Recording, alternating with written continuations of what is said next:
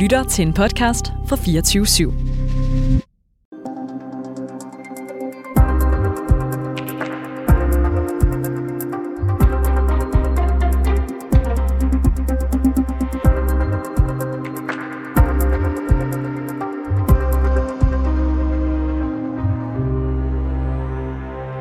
I et ventelokale med IKEA-møbler og grønne stole sidder en far på en række blandt andre forældre og venter spændt.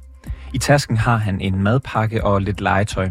For om lidt skal han se sit barn efter ni måneders adskillelse på grund af et højt konfliktniveau mellem ham og barnets mor. Men i stedet så kommer en børnefaglig medarbejder ud og siger, at det alligevel ikke bliver i dag. Årsagen er, at moren har aflyst mødet, og det ender hun med at gøre i alt fire gange på et halvt år. Reporterne har fokus på retssikkerheden i familiesager, hvor mor og far er i konflikt, og selvom faren i den her historie har byrettens ord for, at han har ret til at være sammen med sit barn i to timer i gangen under opsyn i et lokale hos familieretshuset, ja, så har moren indtil videre aflyst alle gangene. Vi undersøger, om man uden konsekvenser kan gå imod rettens ord i samværssager. Det er reporterne i dag. Velkommen til. Mit navn det er August Stenbrun.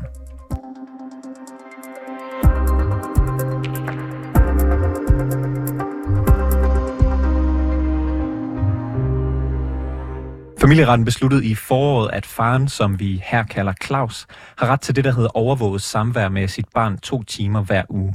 Det betyder, at han skal møde op på aftalte tidspunkter i familieretshuset, hvor en børnesagkyndig er til stede, mens Claus og hans barn er sammen. Samværet det bliver overvåget, fordi der er en konflikt mellem forældrene, og fordi faren ikke har set sit barn i lang tid. Men indtil videre så har barnets mor aflyst alle Claus' samvær i alt fire gange det sidste halve år. Her på redaktionen, der forholder vi os ikke til forældrenes konflikt, men udelukkende til rettens afgørelse, der så siger, at faren har ret til at se sit barn. Min kollega Rassan El Nakib har talt med Claus, som i interviewet starter med at forklare, hvad det gør ved ham, at alle samvær med hans barn er blevet aflyst. Og af hensyn til begge forældre og deres samværssag, så har vi valgt at anonymisere faren i interviewet.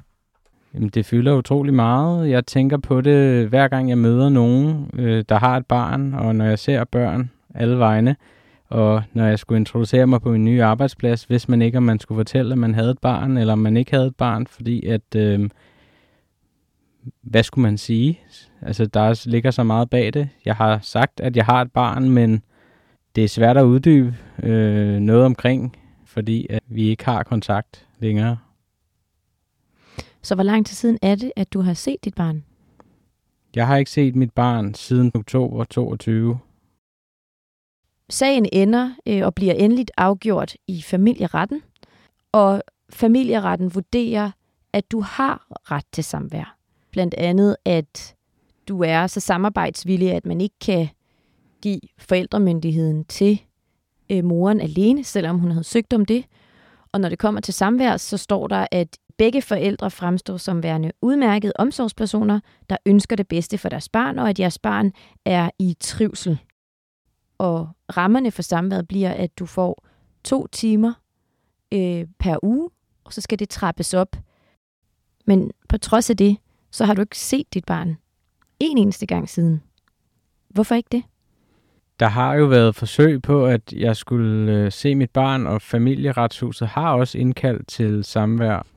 Men det er endt med, at min eks ikke er dukket op til samværende, eller har aflyst aften før samværet med forskellige begrundelser, som ikke bliver dokumenteret. For eksempel, at hun er syg, som familieretshuset skriver, at der skal en lægeerklæring til, hvis man skal melde sig syg til de her møder. Det bliver der ikke spurgt om en eneste gang. Jeg spørger familieretshuset, hvorfor at de ikke har bedt om en lægeerklæring fra hende, og det, det får jeg slet ikke svar på. Så er der en anden gang, hvor hun beskriver, at hun skal til eksamen.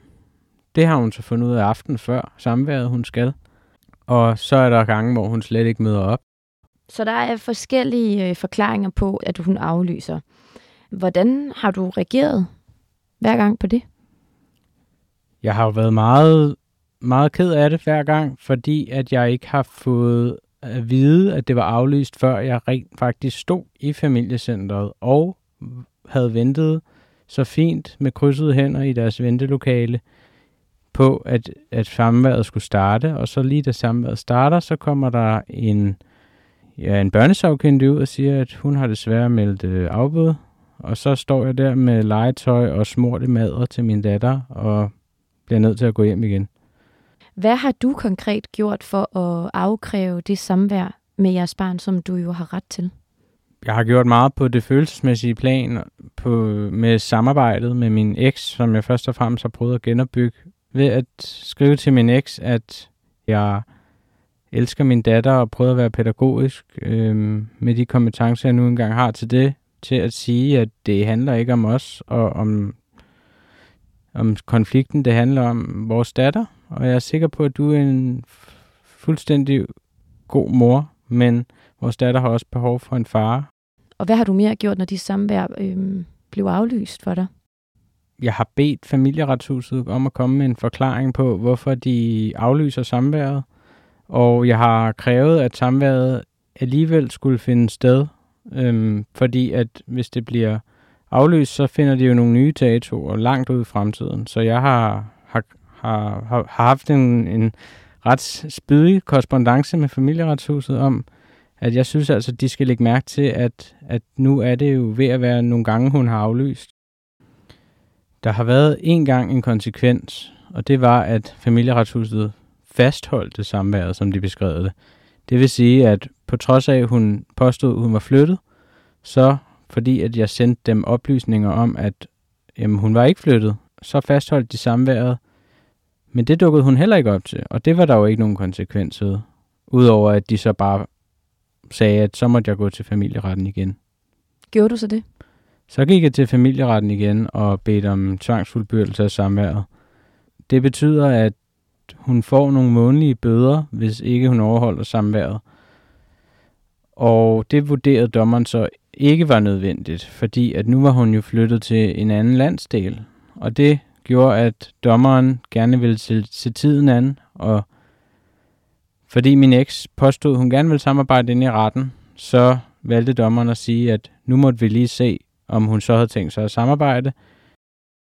Nu har jeg valgt at prioritere øh, for min datters skyld at, at skabe mig et, øh, et liv igen, som jeg kan holde ud at være i i min dagligdag. Hvad betyder det? Det betyder, at nu har jeg valgt ikke at involvere mig i retssager og konflikter, som gør, at jeg bliver nødt til at stresssyge mellem mig på arbejdet.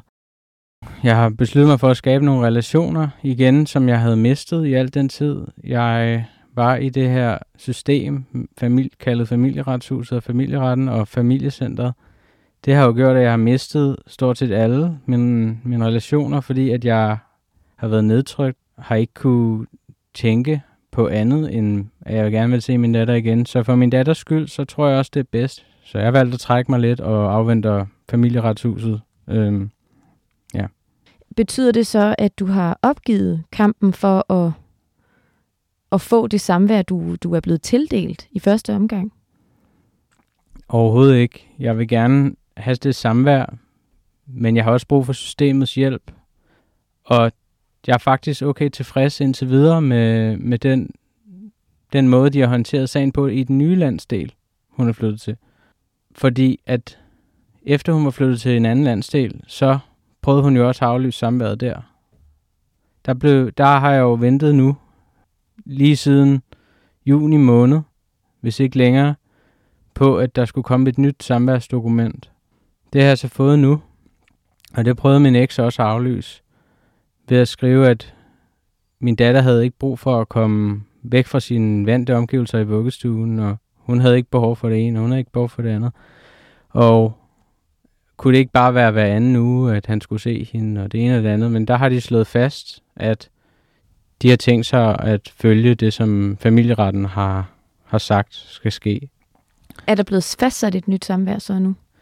Ja, der er, der er blevet fastsat fire samvær, som skal ske her i slutningen af året. Men jeg ved også, at det er, det er fire gange nu, hvor jeg skal overleve, at, at der er nogen, der skal stå og kigge på mig med mit barn. Men det er jo ikke, jeg siger også til mig selv, at det ikke er fordi, at jeg er en dårlig forælder, jeg har de her overvågede samvær.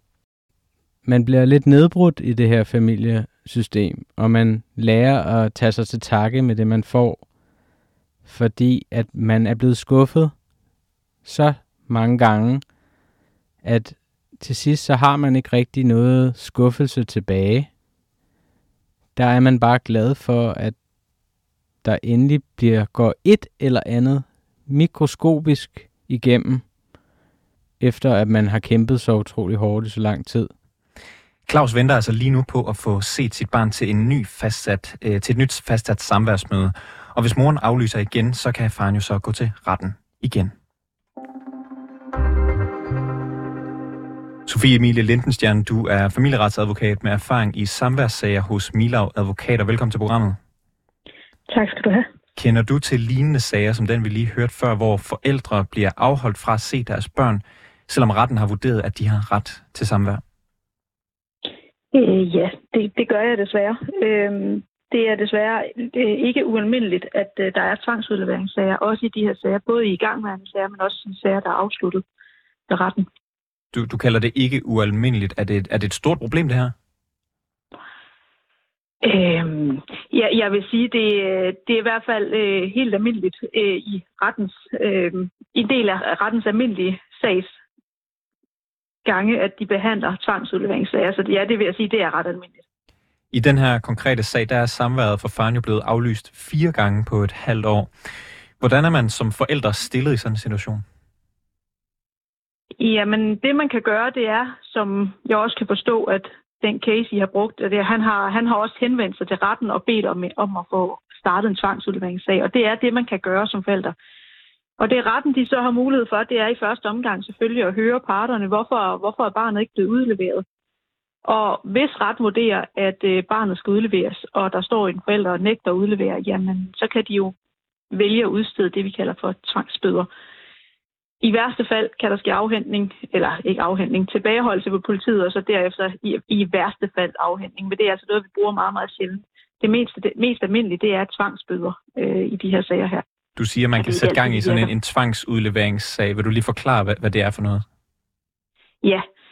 I det øjeblik, man ikke får barnet øh, enten på samvær, eller hvis bopælsforældrene ikke får barnet retur på samvær, så kan den forælder, der skulle have haft barnet, så starte en sag ved retten. Og det er nogle sager, der har høj prioritet ved retten, det vil sige, at det er nogle sager, der bliver behandlet hurtigt. Som udgangspunkt skal de behandles, inden næste samvær øh, skal starte.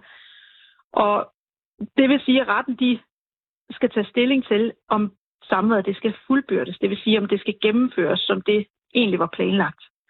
Og der øh, kan man sige, der lytter retten selvfølgelig til, hvorfor forældrene, øh, hvorfor at den ene forælder ikke har udleveret, men også hvorfor, hvad det er, der skulle have været udleveret til der kigger man på, om man har en, enten en samværsafgørelse eller en samværsaftale med det, vi kalder for en tvangsfuldbyrdelsesklausul. Og en tvangsfuldbyrdelsesklausul, det vil sige, er der noget, der siger, at retten de kan gennemføre det her med, med magt, hvis, de nu, øh, hvis det ikke bliver overholdt for den ene forældres side af. Og så hvis man øhm, øh, som forældre står i en situation, hvor, øh, som vi hører fra faren her, man møder fysisk op til samværet, man sidder og venter, og så lige pludselig kommer der en øh, børnefaglig medarbejder ud og siger, det bliver heller ikke i dag. Hvad kan man så gøre ja. som forældre, når man står i den situation? Jamen, der er det simpelthen med at være hurtig på aftrækkeren og få lavet en sag ind ved retten. Og enten så kan man selv gå ind, man kan også kontakte retten. Retten de har en vejledningspligt i de her sager. Det vil sige, de er som regel også behjælpelige med at få oprettet sagerne, hvis man ringer ind til dem eller henvender sig nede i skranken dernede.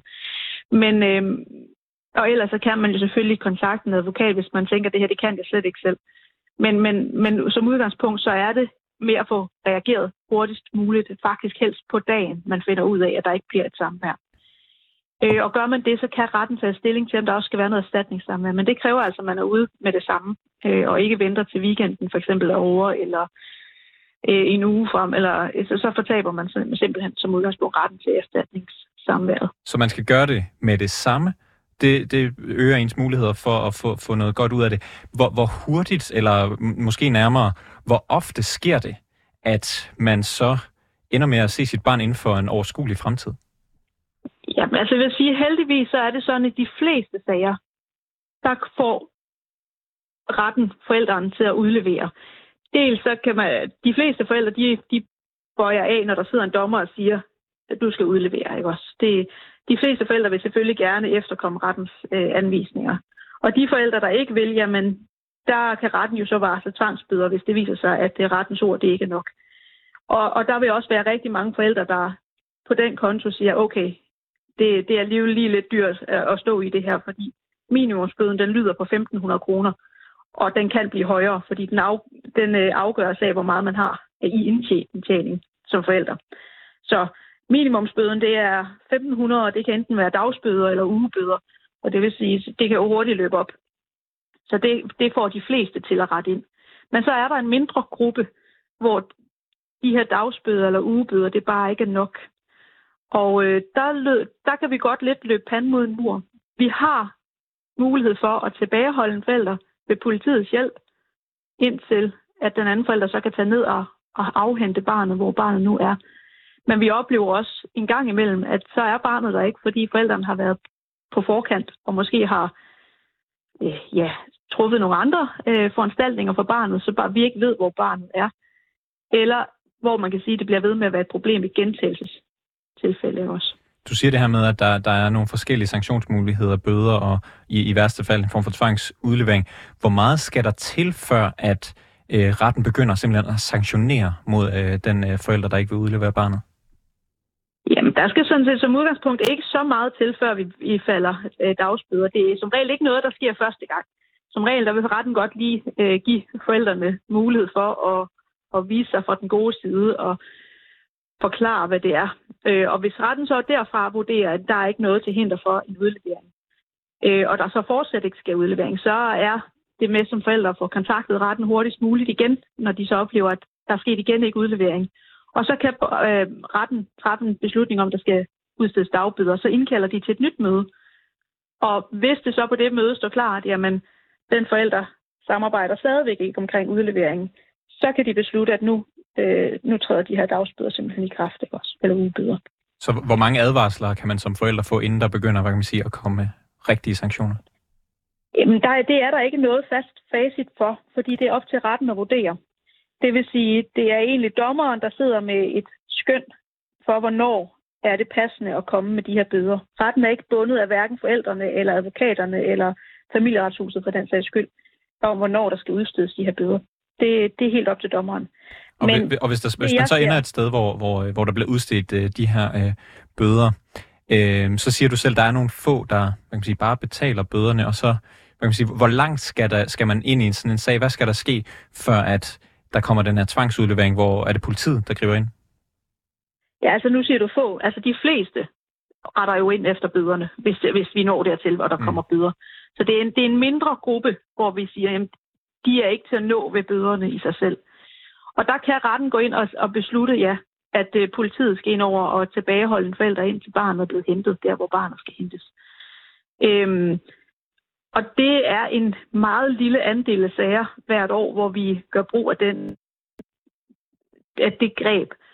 Men i de sager er det så heller ikke altid givet, at det løser sig i sig selv, fordi der er også grænser for, hvor mange gange retten vil være med til at bruge politiet i den sammenhæng, øh, og særligt hvis vi kan se, at det ikke er noget, der hjælper. Øh, og i de enkelte tilfælde, det er heldigvis ikke så mange om året, men i de tilfælde, der står vi altså i en situation, hvor vi løber lidt tør for, for midler til, hvordan vi skal få den forælder til at samarbejde omkring det her.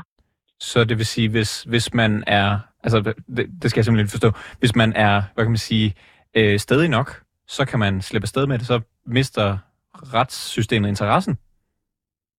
Nej, retssystemet mister ikke interessen, men retssystemet løber tør for øh, redskaber i den værktøjskasse, som retssystemet nu fra politisk hold er blevet givet. Det vil sige, retten er jo, øh, altså, jeg tror, at retssystemet er nok den, de sidste, der egentlig mister interessen i det her, fordi der er ikke nogen i retssystemet, der har en interesse i, at øh, folk de ikke respekterer øh, den autoritet, der ligger i retssystemet. Men retssystemet kan, kan nå dertil, hvor man til sidst ikke har handlemuligheder inden for, hvad man kan anse for at være barnets bedste.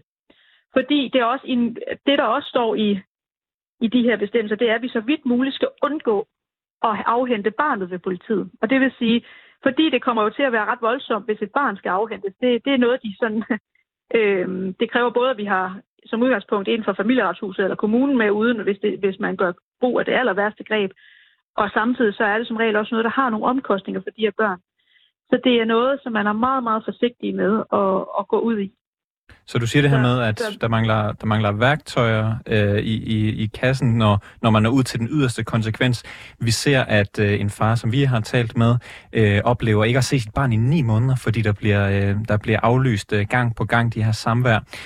Hvordan vil du beskrive det system? Fungerer det? Altså, jeg vil sige det sådan, at øh, det, det, det gør det jo nok ikke altid, og særligt ikke, når det er et overvåget samvær, som jeg kan forstå, det har været her. Fordi der er det jo lige præcis nogle fagpersoner, der står med ansvaret omkring i overvåget samvær, skal sikre, at det netop kan afvikles på en god måde for barnet. Så at man kan sige, lige præcis i disse tilfælde vil jeg også mene, at der er en skærpet omstændighed, fordi at der er ikke noget argument for, at det ikke skal være til barnets bedste, det der foregår. Det, det har systemet jo ansvaret for, så når, når man som forældre går ind og laver det, så mangler vi måske nok en, en handlemulighed, der er sådan lidt øh, indskærper, at her der er det ekstra, ekstra gralt, når barnet ikke udleveres. Det, det er jo systemets mulighed for at se og for at oplyse sagen, for at se, om der overhovedet er øh, det, der skal til for et samvær. Og hvis vi ikke engang kan nå dertil, så kan vi ikke oplyse sagerne. Hvad, hvad, i, i nogle tilfælde. Du siger, hvad, hvad, hvad kan systemet gøre her? Altså, der er jo for eksempel familieretshuset. Hvad har de pligt til at gøre i situationer som, som den, vi hører fra, øh, fra faren her, hvor den ene forælder ikke vil udlevere øh, barnet og, øh, og helt øh, udbliver fra, fra det møde, der burde have været? Ja, altså det synes familieretshuset gør som sådan ikke noget. Familieretshuset har ikke nogen tvangsbeføjelser. Det vil sige, de kan ikke ligesom retten gå hen og pålægge nogen bøder eller andet. Det familieretshuset de gør, de skriver en observationsrapport efter de overvågede samvær. Og der vil det jo fremgå af, hvis der er en forælder, der har været usamarbejdsvillig. Øh, og i det her tilfælde jo så øh, den forælder, der skulle have afleveret barnet. Og det kan jo lægges den forælder til last. Det er bare ikke altid, at det ender med, at den forælder så mister øh, bopæl eller samvær på det. Fordi hvis der ikke er en relation mellem barnet og den anden forælder, jamen så har vi jo ikke nogen steder, vi kan sætte barnet hen. Vi kan ikke sende barnet hjem til en forælder, øh, barnet ikke kender. Som udgangspunkt i hvert fald. Så... Øhm, og i, i den konkrete sag her, der, der kender vi jo heller ikke, hvad kan man sige, årsagerne til, det er blevet aflyst. Det, det kan vi jo ikke uh, spekulere for meget i, men, men hvad er der af regler for, hvad der er, hvad kan man sige, en, en godkendt årsag til, at man aflyser uh, de her samvær? Ja, altså, øh, der er ikke nogen sådan helt udtømmende liste over det, men man kan sige, øh, sygdom hos barnet kan være en årsag, men hvis der er tale om gentagelsestilfælde, så er det almindeligt, at familieretshuset de vil kræve lægeerklæring på det fordi man jo godt kan begynde at mistænke, om det så er reelt eller ej. Så det er ikke ualmindeligt, at man beder om lægeerklæring på det. Øh, så er der jo, øh, det kan være sådan noget som øh, eksamener. Øh, hvis man nu på forhånd ved, at jeg skal til eksamen den dag, og jeg har simpelthen ikke mulighed for at nå det, så vil det som udgangspunkt også være en lovlig frafaldsgrund. Men det er noget, man skal melde ud, og man skal helst gøre det i så god tid som muligt, så de har mulighed for at, at lægge øh, i nogle erstatningssamvær i stedet. Øhm, egen sygdom er som udgangspunkt ikke nok, øh, så skal det i hvert fald være der, hvor vi siger, at det er så alvorligt, at øh, det har en betydning, fordi man kan altid få en anden til at aflevere barnet. Der er jo ikke nogen, der siger, at det skal være den, den enkelte forælder, der står for aflevering af barnet til de her overvåget samvær. Med andre ord, der, der skal ret meget til, øh, før man aflyser de her øh, samvær. Ja, det skal der. der. Der skal altså være en rigtig, rigtig god årsag til det. Sofie Emilie Og at man lige pludselig har bestemt, den ferie er ikke nok, for eksempel. Sofie Emilie Linsenstjerne, øh, familieretsadvokat med erfaring i samværssag hos Milau Advokater. Tak fordi du var med i programmet. Det var så lidt.